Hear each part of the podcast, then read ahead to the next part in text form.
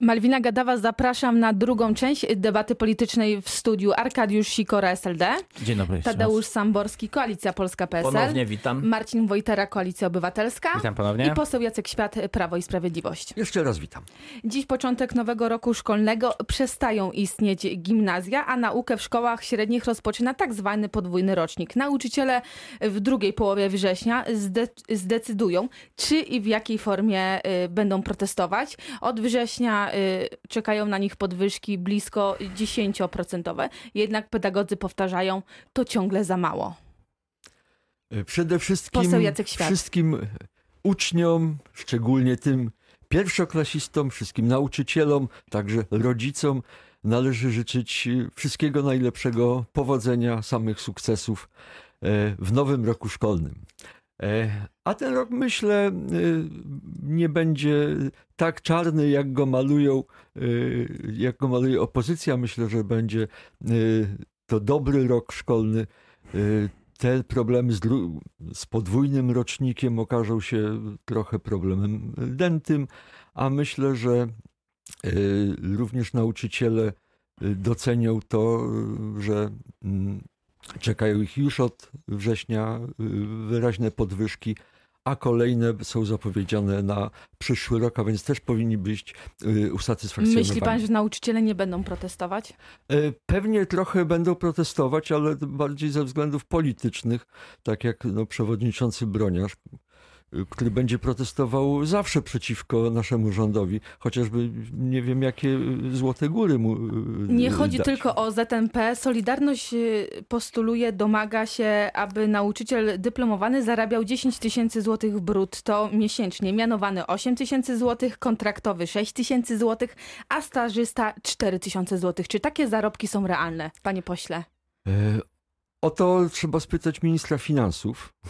E, Myślę, że w tej chwili no, jest, e, nauczyciele dostaną tyle, na ile budżet e, stać. A dalej będziemy rozmawiać. Oczywiście jest wszystko możliwe pod warunkiem, że te, te rozmowy, ten dialog będzie się toczył w spokojnej, rzeczowej atmosferze. Do odpowiedzi wyrywa się Tadeusz Z Samborski. punktu widzenia potrzeb oraz realnego znaczenia nauczycieli w kształtowaniu postaw, e, ich roli, jaką odgrywają, e, to są e, oczekiwania uzasadnione. Czy one będą możliwe do spełnienia tego, nie wiemy, ale oczekiwania tych nauczycieli są w pełni zasadne. Oczywiście dzisiaj wszystkim nauczycielom składamy najlepsze życzenia, satysfakcji z ich pracy i także życzę im, aby odbudowało się, odbudowała się pewna powaga i godność, która została naruszona jednak w trakcie e, tego strajku. E, Ta godność nauczycieli i ich ambicje zostały troszeczkę podeptane. E, życzę im, żeby się po prostu od tego po poziomu tego zaniżonego poziomu postępowaniem w- władz w stosunku do nich, żeby się o, o, po, po, nad ten poziom znieśli. E, e, Uczniom życzę też e, satysfakcji w, no, e, w osiąganiu wyników w nowych warunkach szkolnych. Marcin Wojtera. No ja tutaj się w żaden sposób nie zgadzam z tym, że nauczyciele walcząc o swoje, swoje prawa, e, prawo do godnych płat w jakikolwiek sposób obnaży, obniżyli swój e, poziom. Od wielu miesięcy walczą o godny wzrost e, płac. E, Tymczasem, tak jak wskazuje To co dostaną od września to zaledwie od 240 do 330 brutto, podczas gdy e, jest tak, że, e, że inne grupy dostaną na przykład e, 600 zł podwyżki. I te podwyżki nie są wystarczające. I tutaj pan mówił o budżecie i to jest kwestia tego, że niedawno premier Morawiecki chwalił się, jak bardzo zbilansowany e, ma e, budżet, E, więc tutaj wydaje mi się, że jeśli faktycznie budżet jest tak dobry, a wiceminister finansów tego też rządu mówił, że jest to pewna e, magia e, księgowości, no to pieniądze na te podwyżki e, powinny się znaleźć, jeśli sytuacja faktycznie taka jest. Tymczasem się okazuje, że prawdopodobnie właśnie brak tych podwyżek dla nauczycieli, takich jakich e, żąda ZNP, jest, jest dowodem na to, że ten budżet wcale tak e, nie wygląda.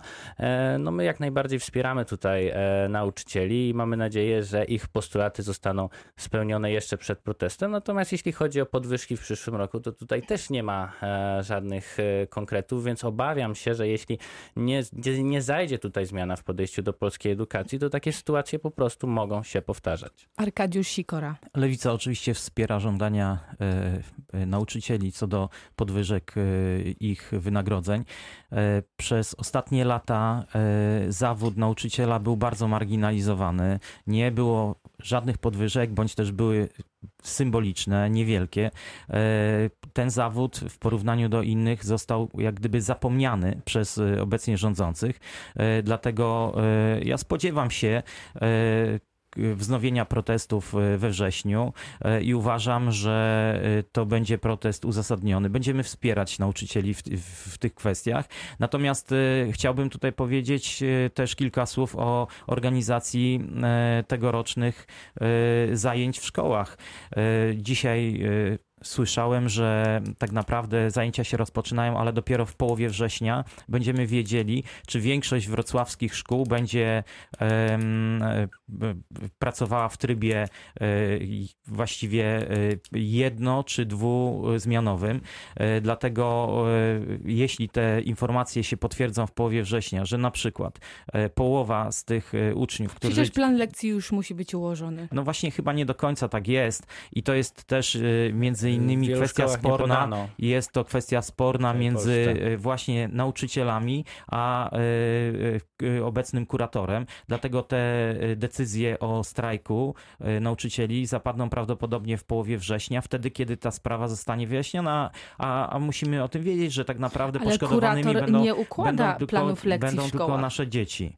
Kurator nie układa planów lekcji w szkołach. No tak, ale musi być pewne porozumienie co do organizacji zajęć w- szkole i e, to, czy będą e, zajęcia jedno czy dwuzmianowe, jest bardzo ważnym elementem całej edukacji. Z analizy przeprowadzonej przez e, resort przedsiębiorczości wynika, że pols polska szkoła nie kształtuje w uczniach w wystarczającym stopniu kompetencji wychodzenia poza schematy. Uczniowie boją się myśleć kreatywnie, nie umieją współpracować.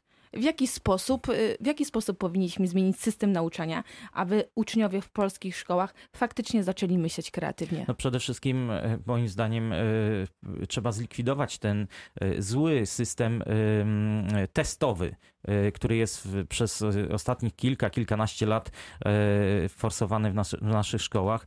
Trzeba dać więcej kreatywności naszym uczniom, naszym dzieciom, żeby one mogły w sposób bardziej ekspresyjny wyrażać swoje opinie na różne tematy. Dzisiaj, jak wiemy, e, większość sprawdzianów, większość testów e, opiera się właśnie, właśnie na e, formie wyboru ABC i, tutaj jak gdyby poza lekkim zakreśleniem odpowiedzi konkretnych, które są przedstawione w tych testach, nie można wyrazić swoich opinii, które bardzo często się różnią od, e, od Tadeusz systemu Samborski. testowego. Uważa pan podobnie? W obszarze, w obszarze szkolnictwa zawodowego na przykład powinno być większe zbliżenie z zakładami pracy, więcej praktyk, e, a w ogóle jako taka dyspozycja ogólna, dyspozycja intelektualno-organizacyjna dla e, szkół i dla prowadzących, dla planujących ich zajęcia e, i programujących te zajęcia powinna być ta zasada uczenia związków przyczynowo-skutkowych, dlatego że młodzież często nie umie wysnuwać wniosków ze znanych sobie faktów. Więc tutaj musi być rzeczywiście pogłębiona analiza stanu e, oświaty i sposobu nauczania. E, I to jest osiągalne. W, przypadku nauczycieli naszych jest to osiągalne, bo kom, nauczyciele są kompetentni, tylko funkcjonują w pewnym schemacie, który trzeba zmienić. Marcin Wojtera. Znaczy, ja bym tylko tutaj trochę zauważył, że zawsze jak się spotykam z przedstawicielami trochę starszego pokolenia, to jest takie wrażenie, jakby te testy już faktycznie tam wypełniły całą tą szkołę, a ja akurat, no. Nie... Kończyłem szkołę już jakieś 7 lat temu i wtedy jeszcze prze- przeszedłem przez gimnazjum, tak, których już, już dzisiaj nie ma aż tak strasznie, to, to, to nie wyglądało, więc ja bym akurat tego, tego kwestii, tej kwestii nie, nie demonizował, natomiast jeśli chodzi o problem polskiej szkoły, to uważam, że ona jest w permanentnej reformie, tak, że tutaj praktycznie cały czas coś się zmienia i to ostatnie lata, kiedy panował chaos i różne środowiska właśnie reprezentujące nauczycieli, rodziców zgłaszały, że nie wiedzą, w jaki sposób będą prowadzone rekrutacje, że sytuacje musiały tak naprawdę ratować gminy, które też obciążono ogromnymi kosztami i to tak naprawdę wprowadza ogromny nieporządek zarówno w życie e, nauczycieli, jak i dzieci, więc ja uważam, że tutaj trzeba dać po prostu polskiej szkole e, odpocząć dać nauczycielom robić swoje. Poseł Jacek Oczywiście Świat. zgadzam się, że należy zerwać z testomanią, ze schematyzmem, choćby w ocenie y, prac maturalnych, bo to doprowadza do kompletnych y, absurdów. Y, niż demograficzny, który jest y, skądinąd dramatem naszego kraju, jednak daje, daje szansę na to, żeby klasy były mniej liczne, żeby ta praca z uczniami mogła być bardziej zindywidualizowana y, i tego należy się y, trzymać. No i oczywiście programy nauczania, również programy metodyczne powinny być ciągle dostosowywane do y, warunków współczesności. Y, Oczywiście szkoła je- jest takim organizmem, który zawsze będzie do końca świata w ciągłych zmianach, w ciągłej reformie, bo to jest przecież proces, który mm, kształtowany jest zależnie od warunków y, cywilizacyjnych.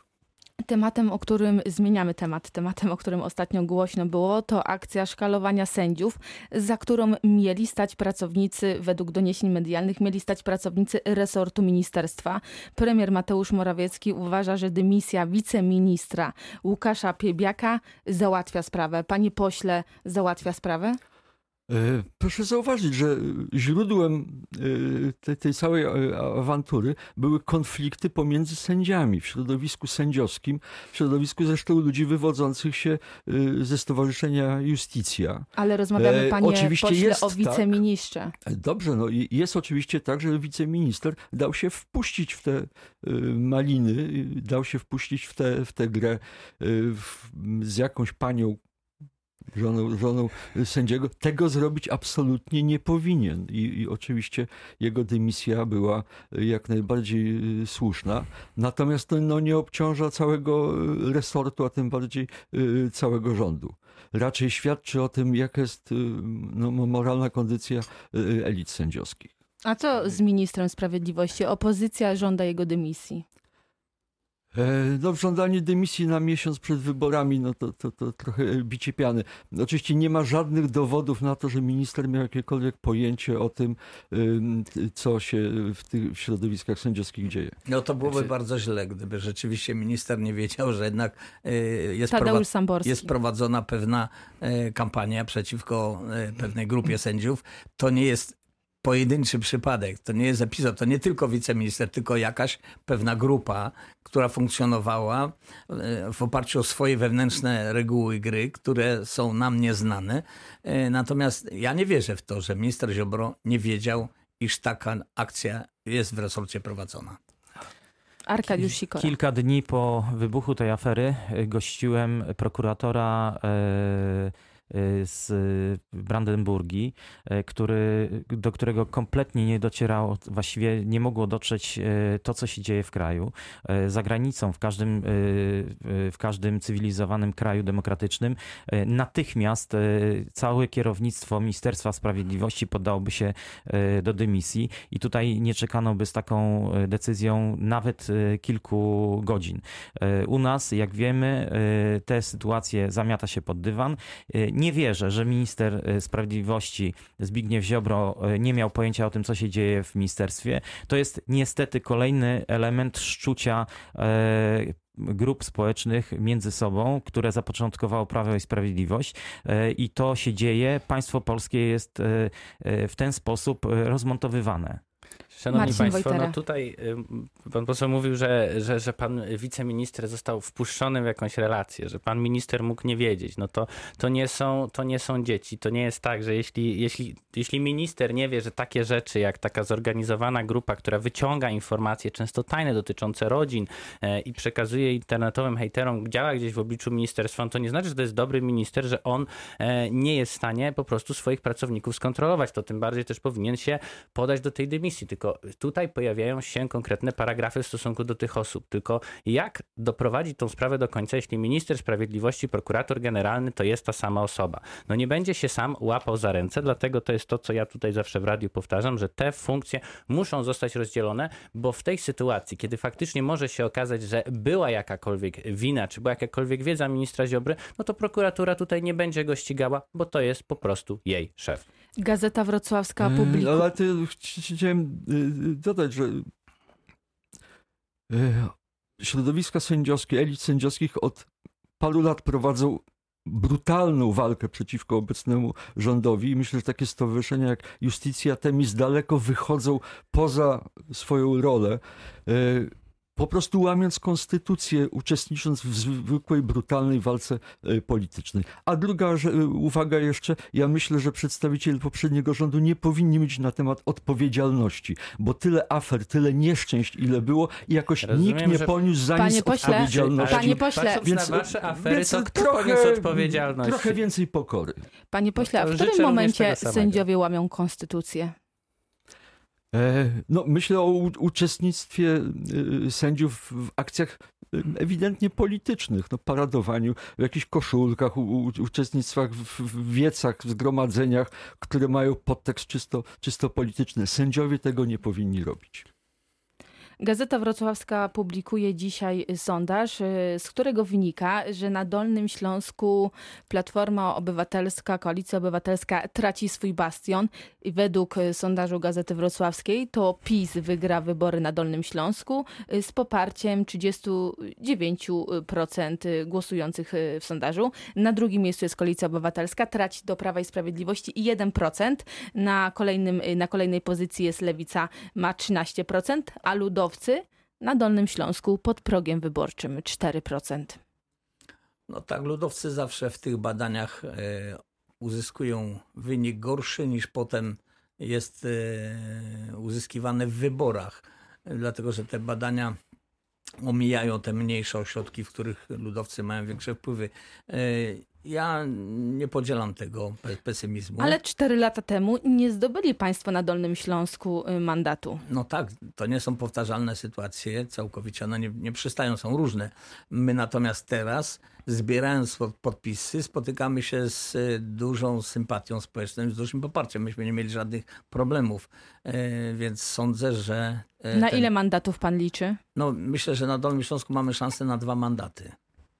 I, I jeśli to by się spełniło, jeśli byśmy osiągnęli e, poparcie w granicach 7%, to byłyby pewne te dwa mandaty. Arkadiusz Sikora taki wynik y, musi chyba zadawalać lewica. No na pewno 13% na Dolnym Śląsku to jest y, co najmniej 5 mandatów y, dla lewicy, y, z tego dwa mandaty w okręgu wrocławskim. Y, Ale my oczywiście nie spoczywamy na laurach już właściwie od dzisiaj, bo w, w- sobotę złożyliśmy dokumenty rejestracyjne, jeśli chodzi o rejestrację list wyborczych. Zaczynamy od dzisiaj swoją kampanię wyborczą. Będziemy chcieli przedstawić swój program wyborczy mieszkańcom Dolnego Śląska. E, Ten program jest pozytywny, jest dopracowany i mam O, nadzieję, że w ciągu na najbliższych, rozmowę o programie przyjdzie jeszcze najbliższych czas. tygodni te notowania nasze e, A zdecydowanie co na wyniki wzrosną. sondażu powie Marcin Wojtara? To chyba nie są dobre informacje Znaczy, dla Koalicji Obywatelskiej. Ja uważam, że jeśli chodzi o ten wynik, to tutaj jest naprawdę niewielka różnica i wszystko Dodajmy jest jeszcze tylko do tyle, wygrania. że w samym okręgu wrocławskim to Koalicja Obywatelska wygrywa z Prawem i Sprawiedliwością. I uważam, że tutaj ta walka będzie się rozgrywała w mieście, będzie się rozgrywała w powiatach. Tu jeszcze nic, to jest tak mała różnica, e, że tu nic tak naprawdę nie jest e, przesądzone. E, No i widzę, że tutaj tak naprawdę dużo się rozegra. Mamy dużą szansę na zwycięstwo w tym okręgu do, do, do Sejmu. E, Tak samo w Wałbrzychu i zwycięstwo na Dolnym Śląsku. Widzimy też bardzo duże poparcie na ulicy przy zbieraniu podpisów pod Sejm, pod Senat. Tutaj właśnie też widać, że jest bardzo duża, była tutaj bardzo duże zainteresowanie naszymi kandydaturami do Senatu i też chcę podziękować wszystkim wolontariuszom, nie tylko tym z Koalicji Obywatelskiej, ale też z Lewicy i PSL. Jeżeli nie wygrają państwo wyborów na Dolnym Śląsku, to będzie to porażka? Uważam, że na pewno no nie, nie możemy nazwać przegranej zwycięstwem, tak? No to nie bawmy się w coś takiego. Natomiast uważam, że w dalszym ciągu jesteśmy w stanie wygrać, jesteśmy w stanie e, sprawić, żeby województwo świeciło się na pomarańczowo. Poseł Jacek Świat. E, Tendencja jest oczywista. E, Pamiętając o wyborach samorządowych, później wyborach europejskich, Prawo i Sprawiedliwość zyskuje coraz lepsze wyniki na Dolnym Śląsku jako całości i tutaj jestem e, optymistą. Jeśli chodzi o okręg wrocławski, on jest trudny, no bo samo miasto Wrocław, czyli e, no, połowa tego e, okręgu jest zdecydowanie nie po naszej stronie, tak to na, na, nazwijmy. Więc tu będzie naprawdę ostra walka, ale chciałem zauważyć, że w ostatnich wszystkich wyborach w powiaty okoliczne otaczające Wrocław świeciły się na niebiesko i myślę, że tak będzie również e, tym razem. Mówi pan właśnie o obwarzanku. Czy uważa pan w takim razie, że w wyborach do Senatu wybieramy w okręgach jednomandatowych to właśnie Jarosław Obremski, były wiceprezydent Wrocławia, pokona Bogdana Zdrojewskiego, byłego prezydenta Wrocławia. Tu widzą państwo swoją szansę na senatora z okręgu wrocławskiego? Tak, jest bardzo duża szansa. Y, Myślę, że y, wbrew temu, co się y, mówi, co ludzie sami deklarują, że, że są to głosowania na konkretne osoby, jednak bardzo duże znaczenie przy wyborach w okręgach jednomandatowych ma przynależność mm, środowiskowa, partyjna. A ponieważ mamy przewagę w tak zwanym obwarzanku, więc myślę, że y, senator Obremski ma y, ogromne szanse na reelekcję. A co na to Ale- Marcin Wojtera? Uważam, że trzeba zwrócić uwagę na to, że z jednej strony jest to Bogdan Zdrojewski naprawdę e, ważna postać nie tylko dla Wrocławia, ale i dla całego regionu, bo zasłużona jako minister kultury i też trzeba zwrócić uwagę na to, że jest to też osoba bardzo mocno popierana przez inne środowiska, nie tylko samą koalicję obywatelską, co widzieliśmy też przy zbiórce podpisów, tak, że inne też osoby dostarczały nam podpisy na byłego pana ministra i uważam, że właśnie w Jowach, gdzie głosuje się po prostu jest jeden głos i nie ma procentów, Bogdan Zdrojewski spokojnie zwycięży. A co na to Lewica i PSL? Bo państwo jeszcze list nie zarejestrowali, ale rozumiem, że według deklaracji y, Lewica i PSL nie wystawią kandydatów y, na senatorów y, w okręgu wrocławskim. Będą państwo wspierać kandydatów Koalicji Obywatelskiej? E, w- Jedno zdanie, Arkadiusz Sikora. W ubiegły czwartek e, Grzegorz Schetyna zerwał wszelkie rozmowy, jeśli chodzi o budowę szerokiego bloku e, opozycyjnego, więc Lewica w tej chwili... Poprą państwo we Wrocławiu Bogdana Zdrojewskiego, Alicję Chybicką i Barbarę Zdrojewską? Jedno zdanie, tak czy nie? Sojusz Lewicy Demokratycznej oficjalnie nie będzie wspierał żadnych kandydatów. Ale nie wystawi też swoich. Nie wystawi swoich. PSL, jedno My zdanie? również nie wystawiamy kandydatów. Y, Sądzimy, że społeczeństwo samo powinno zdecydować. Ale znamy walory i wartości. Natomiast my, jako Polskie Stronnictwo Ludowe, będziemy się starali przekonać. To e, była... y, wieś, musimy nie, nie wszystko, kończyć. nie wszystko. Chcemy, Musimy kończyć. Chcemy przekonać e, wieś dolnośląską o tym, że jesteśmy wiernym, jedynym Kończymy. reprezentantem ich interesów. To była debata polityczna Radia Wrocław. W studiu dziś gościliśmy Arkadiusza Sikorę, SLD, Tadeusza Samborskiego, Dziękuję Koalicja państwu. Polska, Marcinę. Wojterę, Koalicja Obywatelska i posła Jacka Świata, Prawo i Sprawiedliwość. Dziękuję bardzo. Dziękuję bardzo, do usłyszenia.